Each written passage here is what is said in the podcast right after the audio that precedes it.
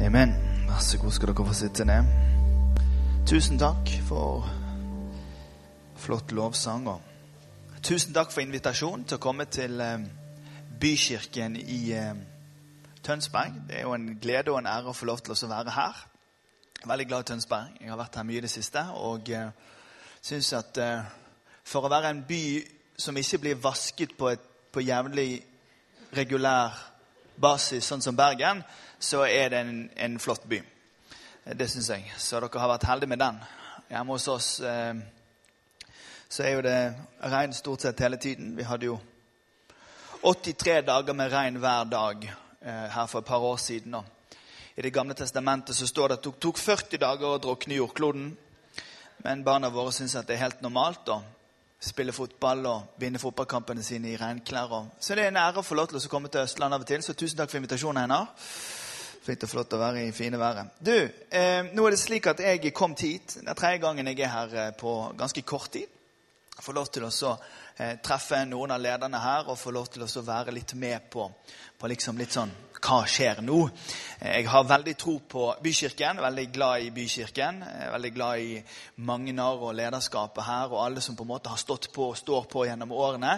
Eh, vi tror av hele vårt hjerte at den lokale menigheten er jordens håp. Stemmer ikke det?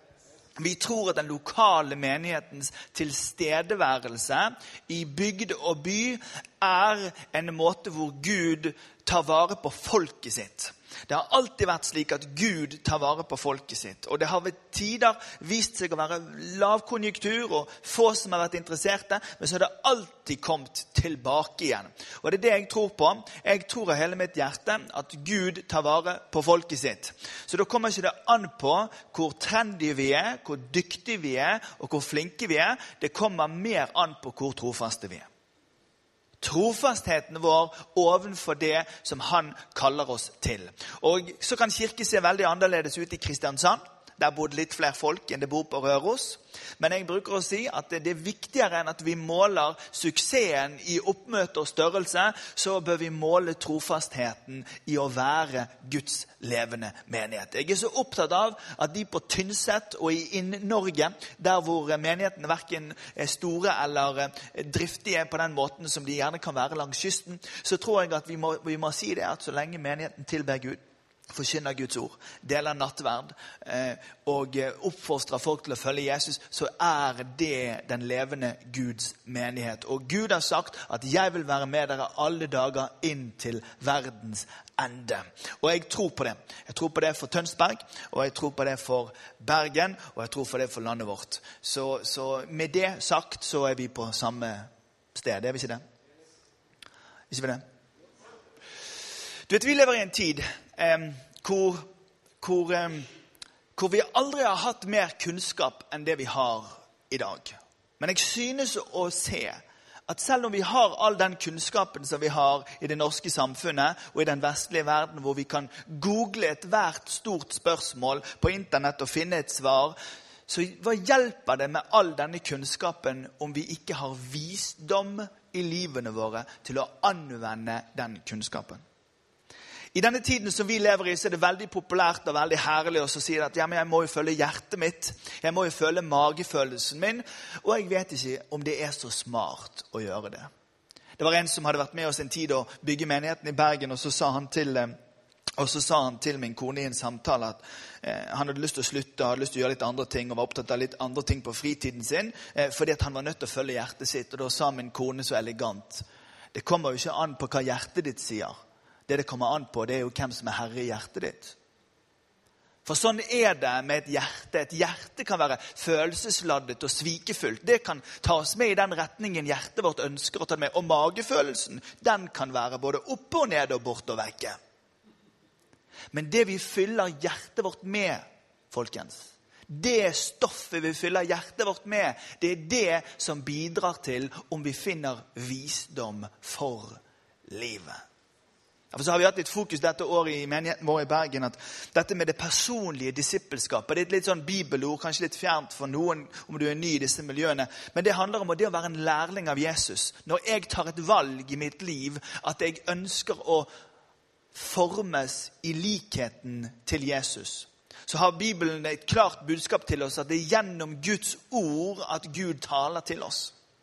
John Calvin han sa, det, han sa at det Bibelen sier, det sier Gud. Jesus sa til disiplene sine når han forlot dem, la mine ord bli i dere, bli i meg, sier han. At det er en kobling mellom det Bibelen sier, og det som vi trenger til personlig disippelskap. Visdom, ifølge Bibelen, det er det som er sant og rett, kombinert med god dømmekraft. Og Det er det jeg har lyst til å snakke med deg litt om i dag. Kan du og jeg i år 2013 være vise i måten vi håndterer vårt liv på, i måten vi håndterer våre ressurser på, i måten vi håndterer våre penger og vår tid på. Og det er det jeg har lyst til å sentrere litt av det som jeg skal snakke om her i dag. Du vet, Det å være klok, det å være rettferdig, det å ha god vurderingsevne, det er ikke verdens flotteste ord. Det er ikke sånne som man skriver på reklameplakaten man ønsker å bygge en stor gruppe. Men hør, det er veldig gode ord å bygge livet sitt på. Og Bibelen lærer oss på en veldig tydelig måte at det kan vi gjøre. Det var en annen mann. Han satt i en, i en eh, garderobe, og så tok han telefonen. De hadde akkurat spilt golf. Vet, dere spiller vel golf her på Østlandet. Vi, vi spiller ikke så mye golf. Det er vanskelig å gjøre med én hånd, for den andre hånden må du bruke til å holde paraplyen. Så, så han satt i denne, denne garderoben, og så tok han telefonen, og så kunne de høre, for det sto på høyttaler, at hun som snakket, hun sa jeg har akkurat vært på storsenteret, kan jeg få lov til å kjøpe den vesken? Den koster bare 5000. Og han sa ja da, ingen problem, du kan bare kjøpe den. Og så sa han og så så jeg akkurat den nye klokken som jeg har ønsket meg så veldig. Den kostet bare 25 000. Går det greit, eller? Ja da, men se om du klarer å få prisen ned litt. Og så har jeg akkurat sett hos den nye eiendomsmegleren det huset som vi prøvde å kjøpe for 10,5 i fjor. Det er ute til salgs for 11 millioner. Går det greit at vi kjøper det? Ja, men prøv å prute den, men må du gi den siste halve millionen, så får du bare kjøpe den. Så han la ned telefonen, og alle de andre guttene i garderoben så på denne mannen og tenkte hva er dette for en type? Og så sa denne mannen er det noen som vet hvem som eier denne telefonen?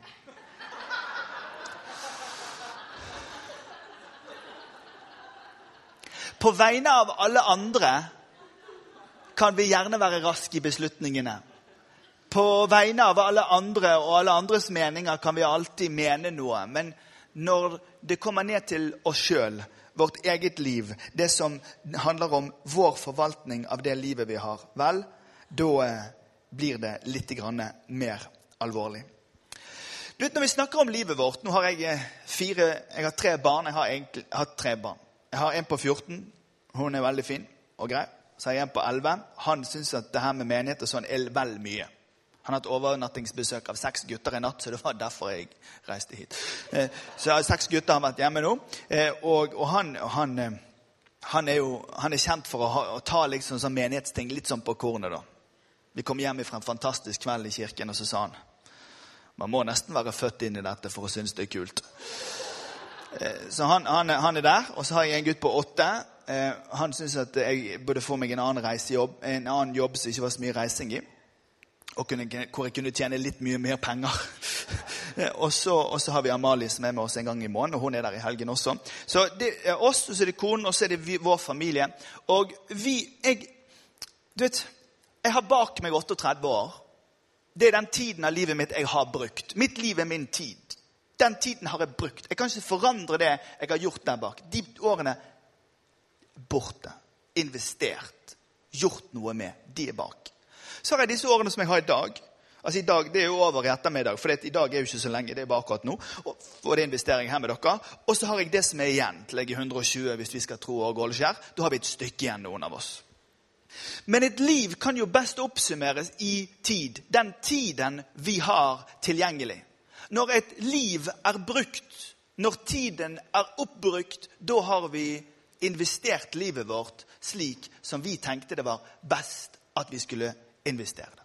Noen er bevisste, andre er ubevisste. Noen har mål, noen lar dagene komme sånn som de kommer. Du er sjef over ditt eget liv. Jeg legger ikke meg bort i det. Men bare for å ta denne formiddagen som et eksempel. Noen av oss som kommer til kirken her i dag, vi kommer jo her til kirken i dag fordi vi føler at vi må. Altså, Vi er blitt tatt med hit. Det er noe vi må gjøre. Noen av oss vi er samlet her i dag morges fordi at vi har lyst til å være her. Andre igjen har en opplevelse av å komme hit fordi at vi burde jo gjøre det. Og denne burdefølelsen den kommer jo ganske sånn opp i oss når vi kjenner på at dette er noe som ville være samsvar med mine verdier hvis jeg gjorde. I dag har du valgt å komme til Bykirken klokken 1100 på en søndags formiddag. Og det er et valg som veldig få nordmenn gjør sammen med deg. Altså, du har valgt å gjøre valget av å komme til kirken klokken 11 om formiddagen. Det er 1,5% av Oslos befolkning som velger å gjøre det. Så er det vel 98,2% av Karmøys befolkning som gjør det. Så det er jo forskjell på folk. Men hør, vi når man velger å gå til den lokale kirken, så velger man motstrøms mot det som kulturen rundt en gjør. Og det merker vi på jobben. Vi merker det, Ikke jeg så mye på jobben, da, men du. Eh, vi merker det på jobben, vi merker det i familieselskap. Vi merker det, vi må stille opp for svaret hvorfor gjør vi dette. Jeg bare spør deg hvorfor gjør vi dette. Om du er her fordi du føler du må. Om du er her fordi du føler du burde, eller om du er her fordi, fordi du har lyst, så kan du bore litt i dine egne eh, motivasjoner for det. Men jeg har lyst til å ta deg med på en liten sånn tankereise her i dag. Måten du og jeg investerer vårt liv, måten du og jeg investerer våre gaver, våre ressurser og til og med våre penger, det er utslagsgivende for at det fins noe her inne som gjør at vi sier dette er betydningsfullt for meg det å ta et steg ut av det alle de andre gjør, og stille seg inn i en kristen sammenheng og så si at det fins en himmel over hustakene. Det fins en Gud der oppe som jeg regner med i livet mitt. Det er en viktig sak å reflektere over. Jeg har blitt bedt om å snakke litt om det som handler om forvaltning av økonomiske midler, det med givertjeneste, den type ting i dag. Og det skal jeg gjøre med aller største frimodighet. Men jeg skal gjøre det under overskriften av det å gi takk til Gud. For mange år tilbake, ni år siden, så startet vi Salt Bergenskirken i Bergen. Vi var noen få mennesker som begynte der. Og eh, den gangen når vi begynte i kirken vår, så plantet vi et tre. Det er bare et metafor, et bilde. Et sånt pengetre hvor vi sa det at det å ha en fast givertjeneste, det å bidra med sine midler til Guds rike og menigheten, det er en viktig del av personlig gudsliv og personlig gudstjeneste. Vi hadde styremøte, vi måtte møtes i Oslo her forrige dagen. Så hadde vi styremøte for kirken vår. det har vi fire ganger i året, Og så så vi over tallene. Og det står nesten fem millioner kroner i total omsetning så er det ganske heftig for en ganske ung menighet. Og når vi ser at prognosene våre for givertjeneste er høyere enn det vi hadde tenkt at det skulle være, og det er spredd på hundrevis av hundrevis av mennesker, da blir jeg som pastor veldig takknemlig. Jeg blir takknemlig fordi at en stor gruppe mennesker har kommet inn i en kultur av at det at Guds rike går frem gjennom den lokale menigheten, det er noe som jeg tar som mitt personlige ansvar via min lønnsseddel, slik at Guds rike kan gå frem gjennom den lokale menigheten. Og fordi vi sådde det treet den gangen for mange år tilbake, så kan vi i dag høste frukter av det. Og Jeg har lyst til å dele med deg under overskriften over 'Å gi takk til Gud' når, når, vi i dag snakker om personlig givertjeneste. For jeg ønsker ikke å være en bergensk selger. Jeg ønsker heller ikke å være en glatt predikant som taler pengene ut av lommene på folk. Det er en urettferdig situasjon å stille predikanter og pastorer i. Det er bedre at det er en bærende kultur i den lokale menigheten av givertjeneste. Så at vi som står i bresjen og leder, ikke ender opp som slike tiggere som må få med oss folk på å betale noen skjerver for å få betalt noen regninger. Det å ha en givertjeneste, det å bidra til at Kirken er ressurssterk, det er noe som hele forsamlingen kan bidra til. Og jeg har lyst til å ta deg med til det perspektivet. Og gi takk handler om å si at noen utenom meg selv fortjener ære for at jeg har det slik som jeg har det. Å gi takk betyr å si 'jeg har ikke alt jeg har fordi jeg har vært flink'. Jeg har alt jeg har fordi at jeg er blitt velsignet. Men i verdens rikeste land, hvor velferdsstaten forteller oss at her gir vi etter evne, Og så får vi etter behov. Her finnes det kontorer som vi kan oppsøke når vi har problemer. Sykehus som er gratis. Så er det så lett at vi tenker at det fins et nettverk der ute som tar seg av alt dette, og at vi fortjener det. Dette lille ordet 'takk' I vår gudstjeneste så nekter jeg noen å snakke før vi har sunget den første sangen. Hvorfor? Fordi at den første sangen skal peke over hustakene inn i himmelen, til Han som skal fortjene ære. Jeg prøver å vri tankene våre ut ifra våre egne prosjekter av å bygge våre egne liv, så vi kan peke på oss selv som dem som har lykkes, og rette takken vår opp og anerkjenne at bakom det at Norge er et rikt land, bakom det at samfunnet fungerer godt, og at vi får leve i fred, og at vi alle sammen får lov til å spise oss mette, og vi kan reise til Barcelona på weekendtur Bakom alt dette så er det én som skal ha takk for det livet som jeg får lov til å leve. Dette lille ordet takk hjelper oss å bygge inn en distanse mellom oss og vår fortjeneste og hans velsignelse. Noen sier at ja, men hva har penger med åndelighet å gjøre? Hør, penger har i aller høyeste grad med åndelighet å gjøre i vår kultur når jeg skal ut og handle, skal kjøpe diesel og skateboard og uh, kjøttdeig og grill og, uh, og, vaskemiddel og alt som jeg trenger, og huslånet mitt og sånn, da bruker jeg penger. Alt jeg trenger for å overleve, bruker jeg byttemiddelet penger for å få til. Og Gud vil jo gi meg hyselig. Gud vil jo gi meg mat. Gud vil jo gi meg alt dette som jeg trenger. Så selvfølgelig bryr Gud seg om penger. Gud er opptatt av at dette, dette byttemiddelet, denne ressursen, at vi har en distanse til han, så at den ikke slipper helt inn i hjertet vårt og til slutt former våre liv. Visdommen i Guds ord hjelper oss til å se at den distansen mellom pengene våre og det vi kan bruke, få, ha, og det viktigste i livet vårt, nemlig hans kjærlighet og hans rike, at den distansen blir opprettholdt. Og min påstand er at dette lille ordet 'takk' hjelper oss nettopp til det. For det er de av oss som tenker det at vet du, de pengene som jeg har, de er 100% mine. Du vet, I en menighet så er det, er det mange som tenker at liksom, alt jeg har, det, det, tilhører meg, og jeg gjør med det akkurat sånn som jeg vil. Sant? En stor gruppe i menigheten vår i Bergen de tenker det. En annen gruppe i menigheten vår de tenker 90% av det jeg har, det tilhører meg. For 10 det ønsker jeg å gi til Gud. Det er sånn klassisk lære. Vi skal snakke om det, om det som handler om tiende. Det skal vi snakke om litt. Noen igjen de sier at alt tilhører Herren. Altså En gruppe sier alt tilhører meg. En annen gruppe sier 90% tilhører meg, 10% tilhører Herren. Og så er det noen som sier at alt tilhører Herren. Og det er helt greit at vi ser forskjellig på dette. For det kommer litt an på hvilken tradisjon man kommer fra, hvilken, hva man er oppvokst med. Det er helt greit. Men utfordringen til oss alle like fullt er har vi distanse mellom våre egne livsprosjekt og det vi sjøl eier, fortjener og har, og det livet som Gud inviterer oss til å leve i. En annen måte å få distanse til velferdssamfunnet og forbrukerkulturen som vi lever i, det å lære seg opp til å gi. Det å gi bort er en viktig del av distansen som jeg trenger i mitt personlige liv mellom det som jeg eier, har og skal ha, og det som Gud skal få. I Det nye testamentet så står det 275 ganger om det å tro og det å være troende. Det står 371 ganger om bønner og om det å be.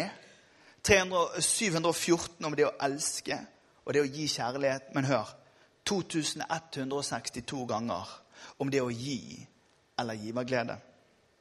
16 av Jesus' sine 39 lignelser handler om økonomisk forvaltning.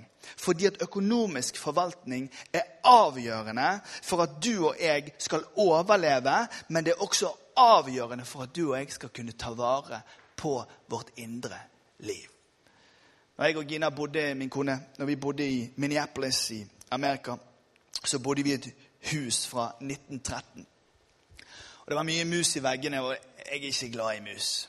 Jeg var ikke glad i å drepe dem heller. Jeg hadde ikke lyst til å, å ta livet av dem. Så vi, vi, kjøpte en veldig lite human eh, Det er ikke lov til å bruke dem i Norge engang, men jeg syns de var egentlig ganske greie. Sånne, sånne feller som de kalte for sticky traps. Klisterfeller. Jeg tror ikke det er lov i Norge. De er ganske stygge. Eh, det var rett og slett slik at Vi la en ostebit midt på, på et sånt voldsomt klister. Og så kom jo han lille rakkeren springende for å ta den ostebiten, og der satt han. Fast med begge fire beina og halen og munnen etter en stund. Og Jeg våknet en natt med den voldsomme hylingen og tenkte liksom at nå, nå sitter han fast. Så kom jeg bort til den lille papirbiten der, og der, der satt han. Hei, lille venn, sa jeg. Deg orker ikke jeg å drepe. Så jeg tok på meg vinterklærne og så gikk jeg ut. Gikk jeg over gaten, og så kastet jeg den i søppelspannet på, på andre siden av gaten. Og Der frøs jo han i hjel. Sikkert innen 10-15 minutter, for i Minneapolis på vinteren så er det bitende kaldt. Jeg tørde ikke å kakke han. Eh, men der døde han.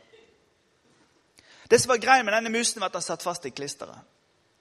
Det som er greia med mitt liv og med ditt liv, det er at vi så lett festes i klisteret. Klisteret av forbruk, klisteret av havesyke, klisteret av at vi fortjener det, klisteret av kjærligheten til penger. Bibelen lærer oss at kjærligheten til penger er roten til alt ondt. Penger er ikke roten til alt ondt. Kjærligheten til penger er roten til alt ondt. Og Bibelen tilbyr oss en vei til frihet. Og Den ene veien til frihet det er at vi stadig anerkjenner at vi skal takke Han som er utenom oss selv, for de godene som vi får. Vi kan takke Petroleumsfondet, og vi kan takke Statoil. Og vi kan takke Jens Stoltenberg og Einar Gerhardsen. Og vi kan takke naturressursene. Og vi kan takke Nav. Og vi kan takke arbeidsgiveren. Vi kan det. Men vi velger å gi vår takk til Gud. Og så kan vi velge å holde igjen. Og så kan vi velge å si 'alt tilhører meg'. Og så kan vi velge å si 'dette har jeg fortjent'. Eller så kan vi lære oss Bibelens veiledning. Den som gir etablerer en distanse i sitt liv til det som en eier. Går det greit så langt? Petter Northug, han trønderen, vet dere, han ble spurt hva gjør du når du vinner sølv. Sølv? Sølv betyr ingenting. Sølv kaster vi i postkassa på vei ut fra stadion. For Petter Northug så betyr det ingenting å få annenplass eneste som betyr noe for Petter Northug, er å få førsteplass. Og det er deilig å få førsteplass. Jeg syns det er veldig fint når jeg er først i min kone sitt liv. Jeg syns det er en uting at hun tar med seg Facebook opp i sengen når vi skal legge oss. Tusenvis av mennesker som bare scrolles igjennom på de der hei og like og not like. Det er en uting. Jeg liker å være først. Jeg vet at ungene mine liker å være først. De elsker å bli vekket på bursdagene sine. De elsker å være først. Nyforelskede par de liker å kjenne at de er først. Og Det å få lov til å være først i noen andre sitt liv er avgjørende for at vi kjenner kjærligheten. Men vi blir oppdratt i dagens Norge ikke til å la andre være først i vårt liv, men vi blir oppdratt til at vi skal være først i vårt eget liv.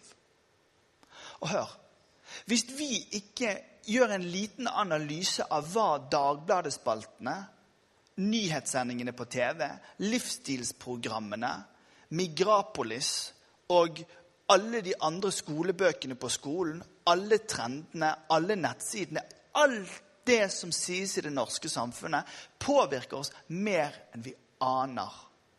Og vi blir sentrum i vårt eget univers. Det å være kristen i denne kulturen krever en høy grad av refleksjon. Det betyr tankekraft rundt hva er det egentlig jeg blir som et resultat av å høre på alle disse røstene i det samfunnet. For det er én røst fra kulturen vi lever i, og så er det en annen røst som kommer ifra Guds ord. Det at jeg skal være først, stemmer ikke med Bibelens ord. For Bibelens ord sier at han skal være først i livet mitt. Jeg fikk lov til å være med Niklas Piensius, som er pastor i Philadelphia-kirken i Stockholm her for en, noen måneder siden. Og Da hadde han akkurat fått tallene fra, fra 2012, fra budsjettåret 2012, og han sa til meg Vet du, vi fikk 12 millioner i arv. Vi fikk 12 millioner i arv, sa han, bare i 2012. Og Så fortalte han meg om de årene når Filadelfia-kirken i Stockholm ble bygget. Da når det var vanlig at alle som gikk der, hadde en bøtte innenfor i foajeen i huset sitt. For det var, det, var vel, det var, sånn blant alle at de lot være å kjøpe nye sko inntil de hadde fått finansiert bygget. Noen gikk nesten halvveis barbeint, så de måtte alltid vaske seg i en bøtte i entreen sin for å komme seg inn i huset sitt, fordi at det var kirken som skulle bygges. Så nå kan du tenke at for et overgrep, det er jo helt sprøtt, vi må ha mange sko. Ja da, vi lever i Norge i dag. Vi har altfor mange sko. Men det at han får 12 millioner i arv fra de eldre menneskene som for 50-60-70 år siden ga alt de hadde, til det nivået at de ikke hadde skikkelig sko engang, for å bygge kirken, er jo litt av en kontrast til den tiden som du og jeg lever i. Israelsfolket ble advart ganske tidlig. Dere bygger deres egne hus, men dere glemmer Herrens hus. Og jeg, Ikke sånn med fingeren min opp sånn og kjefter på oss. Jeg snakker om at det her handler ikke om å gjøre predikanten eller pastoren til den som må snakke inn pengene. Det handler om å så et tre som handler om at givertjenesten vokser og blomstrer. Og vi etablerer en kultur i våre liv at jeg takker en som er utenfor meg selv, for det som jeg får. Jeg velger å si 'Gud, jeg takker deg', selv om jeg kunne bare ha takket meg. Og så velger jeg å etablere en distanse til det jeg eier, ved å ta noe av det jeg eier, og gi det. For når jeg gir, så sier jeg til Gud jeg tror at du kan velsigne meg på tross av dette. Vi lever i en tid hvor vi har flyttet I selve kalenderen vår så er det søndagen som er den første dagen i uken. Men kalenderen rundt oss har fortalt oss at det er den siste. Og Det er på den siste dagen i uken det er da Nida Bergene skriver en sånn en herlig beskrivelse. Jeg hoppet en gang på Bergens Tidende. Det står 'Søndagen er turdag'. Så tok jeg med meg den på kirken og så hoppet jeg på det. Bare for å illustrere for folk at søndagen er litt turdag, og så er den mest kirkedag. Fordi vi er blitt indoktrinerte til å tenke det, at vi gjør som vi vil, det vi har lyst til, det som passer oss selv best, det som er viktigst for oss. Og så ender vi opp med en type bitte liten familieegoisme som handler om at vi må hegne om bare mitt, vårt. Og det høres så rett ut. Men det som lider under det, det er den lokale menighetens ve og vel. Gud inviterer oss til å være med på noe som er større enn oss sjøl. Og han inviterer oss til å ta av det som er vårt, og gi det til han. Han sier i Matteus 6, 31-33.: Gjør dere ikke bekymringer, og si ikke 'Hva skal vi spise?' eller 'Hva skal vi drikke?' eller 'Hva skal vi kle oss med?' Alt dette er hedningen opptatt av. Men den far dere har i himmelen, vet jo at dere trenger alt dette. Søk først Guds rike og hans rettferdighet, så skal dere få alt det andre i tillegg. La det stå der litt, for jeg vil at du skal se at alt det andre skal vi få. Ja da, vi skal få lov til å bo i huset vårt og kjøre bilen vår. Vi skal få lov til å kle på oss klærne. vi skal få lov til... No problem! Gud er for alt dette. Og jeg bruker å si skal du kjøre en bil, kjør en bra en. Skal du bo i et hus, ha et vanntett et. Sant? Skal du reise på ferie, kos deg. Gud er for alt dette, men han spør oss om vår hjertes innstilling. Han inviterer oss til å se hva kommer først, og hva kommer etterpå. Han sier la Guds rike få lov til å komme opp mot førsteplassen, fordi Gud trives best på førsteplassen i livet vårt. Guds ord vil at vi skal legge Han på førsteplassen også i forhold til økonomien vår. I ordspråkene 3, 9-10 så står det Gi Herren ære med alt du eier, med førstegrøden av hele din avling. Førstegrøden av hele din avling Nå er det ikke mange her som driver med avling, men det betyr, det betyr at tidlig etter lønnskontoen har fått påfylling, eller pensjonen er kommet inn, eller, eller man har fått solgt liksom unna eh, veden liksom, eller fisken eller reken eller whatever, så, så man så, så skynder man seg. Man skynder seg og sørge for at Gud får sin del. Da skal din matbod fylles opp og pressekommene renne over av ny vin. Og Ikke få for mange bilder her nå av pressekummer og vin, og sånn, for dette er tross alt en kirke. Og, eh, men, men, men det er noe med at Guds velsignelse vil være nær den som velger å flytte Gud til førsteplassen. Å gi handler om å etablere en tro at det finnes mer enn nok. En har sagt at det beste botemiddelet mot grådighet, det er å gi. For det er den som gir, som etablerer en holdning at her finnes det mer enn nok. Og vet du, Sekulære næringslivsfolk eh, snakker mye om dette og utfordrer folkene sine til å være givere til å bidra til å gi vekk noe av det de har tjent, for å nettopp etablere tanken om at vi må ikke holde på alt for å overleve. Vi kan faktisk åpne opp og gi vekk en del av det, og fortsatt ha det veldig bra. Bibelen lærer oss tre måter, fire, tre måter å gi på. Den ene måten heter tiende. Den, og de, den andre heter hellige gaver, og den tredje heter offergaver. Jeg har lyst til å bare snakke om de begrepene. og Det blir litt bibellesing her nå, så hvis du føler at nå har det vært dypt nok, så skal vi altså nå enda dypere. Eh, og da håper jeg at du overlever og kommer opp igjen. Hvis du kjenner at liksom, nei, dette frykter jeg, så kan du gjøre et eller annet en liten stund. Bibelen snakker altså om dette som heter tiende. Tiende har vært med i, i, verdenshistorien. Glem Bibelen akkurat nå. I hele verdenshistorien så har dette med tiende vært, vært der. Helt fra Kina til Hellas for tusenvis av år siden så har man gitt tiende. Stor grad fordi at det er en veldig enkel måte å regne over. Har man stjålet ti kameler, så kan man si 1, 2, 3, 4, 5, 6, 7, 8, 9 10, og Da gir jeg den tiende til keiseren. Eller den tiende til guden. Er du med? Så har du stelt 10 000 kameler, så kan du ta Skjønner du? Det er en lett måte å regne på. Tiende begynte ikke som en, kristen, som en religiøs skikk innenfor jødedommen eller oss kristne. Det har ligget der i hele den videre historien for lenge, lenge, lenge siden. Tiende dukker opp første gang i Bibelen når Abraham ga en tiendedel av krigsutbyttet sitt til Melkisedek, presten i Salem, i første Mosebok 14. Dette hadde ingenting med lover og regler å gjøre. Det var ikke lovisk. Det var Abrahams valg at han ga tiende. Hans barnebarn igjen, Jakob, han valgte også å gi tiende fordi han møtte Gud. Og det er liksom budskapet i den første Mosebok. Det er tiende. Lenge før loven ga man tiende.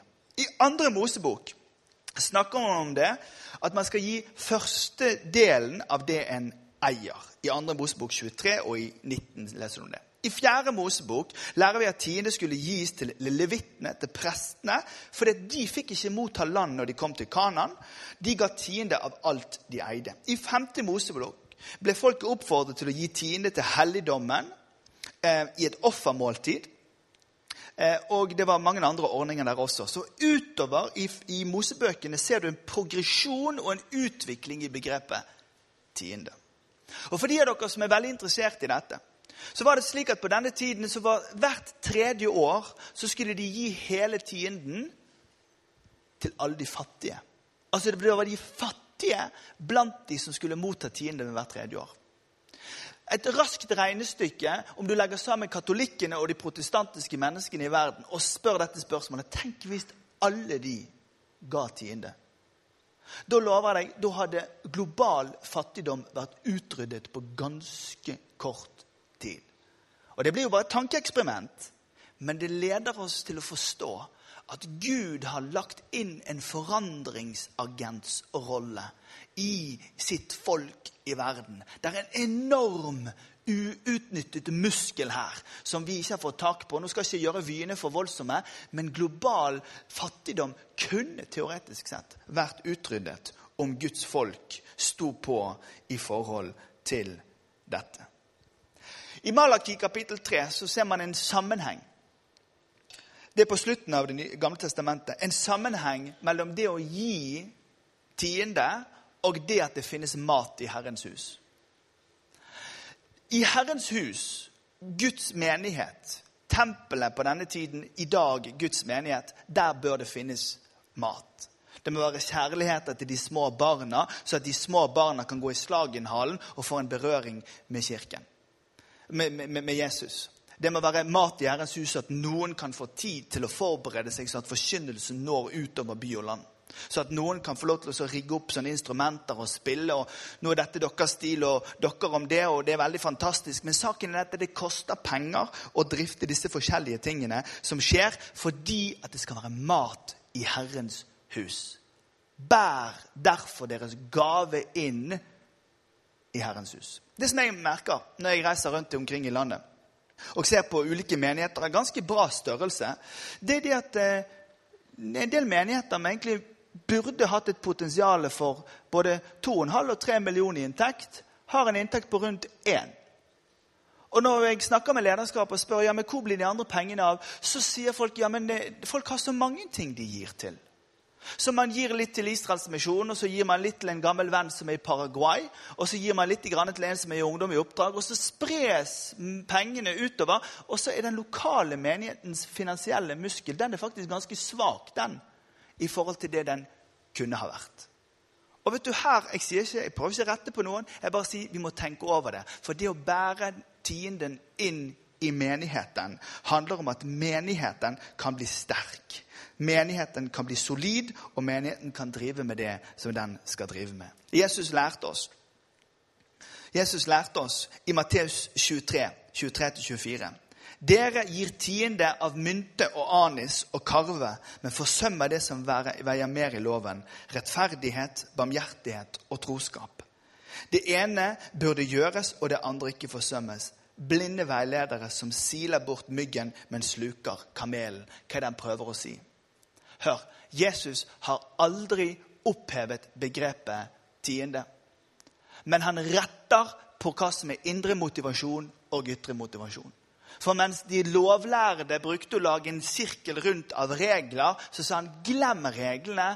Det er hjertet det kommer an på. Han sier videre i Lukas 16.: Om dere ikke kan ha vært tro i det som gjelder den uhederlige mammon, hvem vil da betro dere de virkelige verdier? Jesus utfordrer oss til å være tro i forhold til det som handler om våre penger. Fordi det som handler om våre penger, er et tegn på vår trofasthet til Han. Han sier 'ordne opp i dette' og 'ordne opp i dette'. For det er én og samme ting. Det er en vranglære at vi skiller åndelighet ifra det som handler om økonomien vår. Det er én og samme ting, og det er et uttrykk for vårt trofasthet til Gud han. Og Jesus har aldri opphevet det. Han har korrigert motivasjonen i det. Og Hvis du er enig med meg sånn, så kan du nikke lett karismatisk. Hvis du ikke er enig, så nikker du ikke, og da må jeg fortsette. Jeg lærte dette av Arild Edvardsen i boken hans når jeg var jeg tror ikke jeg var mer enn 13-14 år gammel. Jeg gikk med Bergens Tidende. Jeg delte ruten med Roy. Roy tjente 450, og jeg tjente 450 kroner. Så tok jeg 45 av dem hver måned, og så ga jeg dem til Tabernakel Bergen. For at jeg visste det, at det her, det er menigheten min. Og de 45 kronene der de er blitt til ganske så mye mer i lys av at jeg er pastor og, og liksom har en sånn amerikansk lønning, så er det klart at det er jo enormt eh, med velsignelse nå eh, pga. den, den tienden.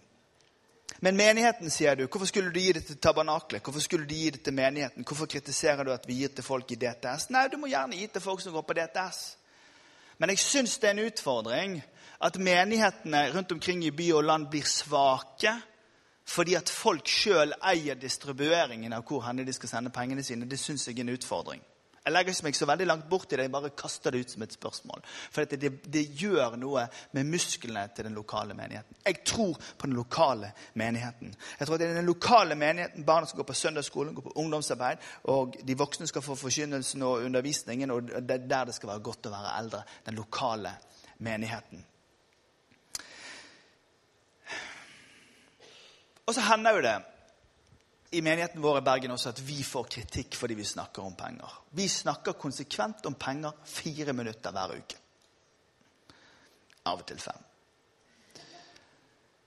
Og da sier jeg at Hver gang noen skal holde en, offer, en, en tale for kollekten eller offeret i kirken vår, så skal det komme opp på veggen et bibelvers.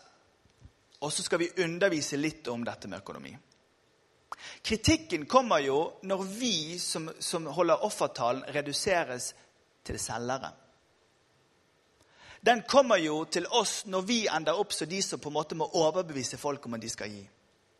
Og jeg kan enkelt samle inn 30 000 til et misjonsprosjekt som skal nå noen fattige barn, hvor folk fysisk sett er, er veldig sultne på bildet. Da får jeg 30 000. Jeg vet akkurat hva jeg skal gjøre for å få ut store penger. Såpass bergenser er jeg. Og predikant. Men problemet med den måten å jobbe på er at jeg blir selger. Og jeg kan komme bort i sånne litt manipulerende måter å jobbe på for å få ut et resultat. Skjønner dere meg? Så det blir veldig urettferdig hvis jeg må selge det inn, for så etterpå å få kritikk for at jeg gjør det, men jeg har ingen villighet i bunn for å bidra i, i, i givertjenesten. Derfor har jeg sagt til menigheten følgende jeg har sagt. La oss plante et tre av givertjeneste. Og la bunnen i kirkens økonomi være den jevne givertjenesten til folk flest. Og så kan vi i fellesskap betale strømregningen og nye kopiark og en ny datamaskin. For hvis jeg reiser meg opp og sier i dag har vi eh, gått til innskaffing av en ny pult, eh, to nye lamper og en strømregning fra BKK Nå er, det, nå er jo han lav siden det er vannkraft på Vestlandet, men alt skal betales, folkens. Det er jo, folk har jo ikke gitt noen ting, for det er jo ingen som kjenner et engasjement for en strømregning. Alle har jo lyst til å mate den sultne som jeg viser på bildet. Og det er her vi ødelegger for oss sjøl internt i menighetene våre. Dette store spleiselaget i den lokale forsamlingen er et spleiselag av folk som har sagt vi tror på dette sammen, og vi bidrar til å gjøre det. Tienden er ikke toppen, tienden bør være bunnen. Derfor sier Bibelen også at vi kan få lov til å gi hellige gaver og offergaver. Ordspråkene 11, 24-25 sier en strør ut og får mer igjen. En annen er gjerrig og ender i fattigdom. Den gavmilde får gode dager. Den som øser ut til andre, får rikelig tilbake. Altså, Dette er ganske sprøtt. Nå er ikke dette Texas. Så nå skal jeg ikke ta for hardt i. Så jeg er ingen sånn der fremgangsteolog, men jeg er mer fremgangsteolog enn sånn tilbaketeolog. Eh, altså, jeg tror mer, men jeg, men jeg vil ikke love mer enn Gud holder. Men jeg tror at den, det tror det som står her, den gavmilde får gode dager. Den som øser ut til andre, får rikelig tilbake. Jeg tror på det. Jeg tror at hvis min økonomi er Guds økonomi, så vil Gud velsigne meg tilbake. Ikke over styr, han kommer ikke til å gi meg et privatfly, selv om jeg syns at han burde. Og jeg forsvarer alle predikanter som har lyst på privatfly, for det å reise i Norge i helgene er umulig. I går måtte jeg ta fly, tog, buss, og så måtte jeg gå. Ok? Så det å ha fly for predikanter Det går an i Texas, det går ikke an i Norge. Vi vet jo det. Jeg er jo nok norsk til det sammen. Men jeg har i hvert fall sagt det. At eh, jeg forsvarer alle predikanter med fly. Hør, andre korinterne eh, og eh, ja. Av og til så må vi si Einar, av og til så må, sier hun ene møtelederen hun sier, hvis det er noen som lurer på hva vi bruker pengene på, så kan dere bare sende meg en mail, så skal dere få, skal dere få en oversikt. Så alle får på mail hele regnskapet vårt til enhver tid hvis de vil. For vi tåler innsyn på alt. Men vi utfordrer veldig sterkt til å delta på dette. Hør bare disse versene. Han som gir såkorn til den som skal så, og brød til å spise, han skal også gi dere såkorn og la det være rikelig, og la deres rettferdighet bare være, bære rik frukt. Dere skal ha rikelig av alt, så dere gjerne vil gi. Dere skal få, så dere kan så. Så dere kan få, så dere kan så. Dere skal få så dere kan gi, så dere kan få så dere kan gi. Det er en fantastisk dynamikk. Dette er et Guds løfte. Hvis du tror på dette, så kan du si amen. På samme måte har Herren bestemt at de som forkynner evangeliet, skal leve av evangeliet. På denne tiden så dro sofistene rundt i Grekenland og underviste for penger. Paulus var opptatt av at 'jeg preker ikke for penger'. Jeg preker ikke for penger. Det er det ingen av oss som gjør heller. Vi preker ikke for penger. En tredjedel av det vi får for preken, preke kristen preken, er ca. honoraret på en preken som vi får hvis vi preker i næringslivet. Hvis jeg skulle jobbet for penger, så hadde jeg jobbet med noe helt annet. som jeg jobber med. For evangeliet er gratis. Amen? Men noen skal betale strømregningen i mitt hus også. Derfor så står det her på samme måte som her bestemt, at de som forkynner evangeliet, skal også leve av evangeliet. Vi må ta et oppgjør med denne her fattigdomsånden, at vi sender folk hjem. I gamle dager sendte de predikantene hjemme. Ja, du kan få fem brød og to fisker, så får du be sjøl om et mirakel. Det er bare tull. Gi dem det de trenger. Når det, når det gjelder innsamlingen til de hellige, sier han, så skal også dere gjøre slik jeg har pålagt menighetene i Galatia. Han snakker om innsamlingen som den mest naturlige ting. I Galaterne 2.10 sier han vi måtte bare huske på de fattige, og nettopp det har jeg lagt vind på å gjøre. Andreas Nilsen, min venn i Hillsong Stockholm, sitter på Stureplan i Stockholm.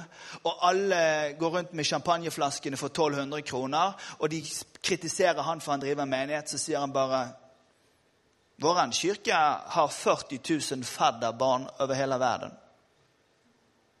Hillsong Church. De har 40 000 fadderbarn i verden. Det blir litt stille Til og med champagnen slutter å bruse. vet du. Fordi at når Kirkens muskel tar seg av de fattige, så skal min Gud, sier han Unnskyld, vi begynner i 2. Korintene 9,8. Og Gud makter å gi dere all sin gave i rikt mål, så dere alltid og under alle forhold har nok av alt, ja, har overflod til all god gjerning. Jeg håper du tror det som står der.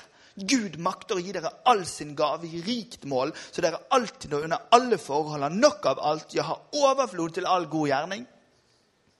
Og derfor jeg sov så godt den høsten 2008. Når vi to dager før eh, finanskrisen valgte å kjøpe et hus uten at vi hadde solgt det huset før. Og hadde ca. 7 millioner i gjeld. Og de 30 kjøperne våre bare forsvant, og folk tenker at nå får vi 80-tallet en gang til. Da måtte jeg bare si disse versene, og Gud makter å gi all sin gave i rikt mål, så dere alltid og under alle forhold har nok av alt, ja, har overflod til all god gjerning. Det er troen som overvinner verden, og det er troen som tar oss igjennom. Filippane 4,19. Så skal min Gud, som er rik på herlighet i Kristus Jesus, gi dere alt dere trenger. Og til slutt 2. Korinterne 9,7.: Enhver skal gi det han har bestemt seg for i sitt hjerte. Ikke med ulyst eller av tvang, for Gud elsker en glad giver. Kjære venner. Du og jeg lever i en tid hvor penger, selvrealisering, hytter, statussymboler er den viktigste identitetsdanneren i det norske samfunnet. Jeg merker det på meg sjøl, og jeg merker det på mine barn. Jeg merker det i kulturen vi lever i. Det å legge inn dette lille ordet 'takk' som en del av vår livsstil. Det å si ja, ja, selv om vi nyter av alt dette, så er det en himmel over hustakene. Det fins en Gud som er aktiv bakom alt dette. Jeg spiser meg mett hver dag. Jeg kan ta på meg disse klærne og bo i dette varme huset og kjøre denne Volvoen fordi Gud er i mitt liv. Jeg kan la være å gjøre det, men jeg kan også velge å gjøre det. Jeg inviterer deg til å leve ditt liv med takk langt framme i pannen og i hjertet og i munnen din. Takk, Gud, for din velsignelse. Så utfordrer jeg deg til å leve en givende livsstil. Ikke tenk at 'dette har jeg fått fordi det er mitt'. Ikke vær en sånn som sier 'alt tilhører mitt', for det stemmer faktisk ikke med Bibelen. Så kan det være at du sier at 90 tilhører meg, og det har du kanskje grunnlag for, men jeg anbefaler deg til å si 'alt tilhører Herren'. Mitt liv, min tid, mine ressurser, mine gaver. Alt dette. Herre, ta alt mitt og gjør det beste ut av det. Bruk det for det det er verdt. Og lær deg at det å være en giver, det er å være Jesus lik. Det er å være løst ifra det du eier, på en slik måte at du vet at hans velsignelse griper inn i ditt liv. Skal vi reise oss opp, og så skal vi be sammen. Det er helt vanlig i eh, Bykirken at eh, vi predikanter ber eh, noen andre komme og snakke om noen av de tingene som det av og til er litt vanskelig å snakke om.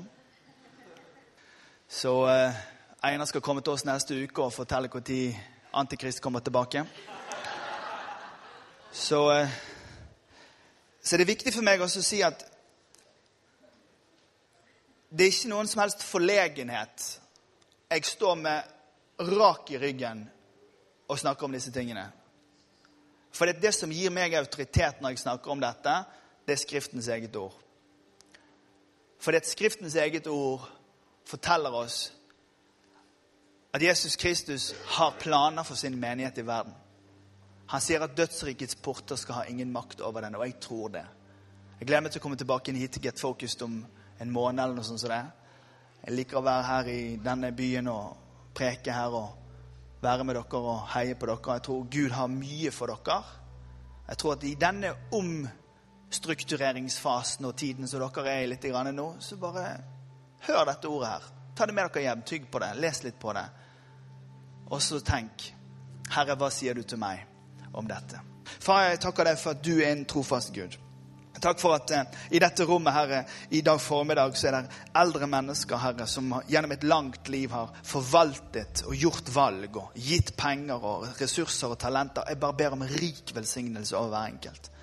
Herre, der er folk midt i livet, Herre, som står midt i jobben og midt i pressen og midt i statusjaget og midt i striden av, av det å ikke være for påvirket denne verden vi lever i, men samtidig ikke flykte fra den. Jeg ber om visdom og tro over oss alle. Herre, jeg ber for de barna som vokser opp i denne menigheten, Herre. I en kultur herre, som går motsatt av deg. Jeg ber om at de ikke bare burde gå til kirken, eller må gå til kirken, men at de skal leve sine liv fordi de har lyst å gå til kirken og følge deg, Jesus. Herre, jeg ber om at ditt rike kommer. Jeg ber om at din vilje skjer. Jeg ber om at din herlighet blir synlig her på jorden, så i himmelen. Og jeg ber om at denne menigheten, selv om en eier et konferansebygg, og selv om bygget liksom er bra og ting, ting er fint her, jeg ber om at dette skal være en sterk menighet. En ressurssterk menighet, Herre. Mennesker som opplever at fordi jeg elsker Gud, så takker jeg Han. Fordi jeg elsker Guds rike, så gir jeg til Hans rikes framvekst. Jeg ber om det. La det skje. Din gode vilje. I Jesu navn.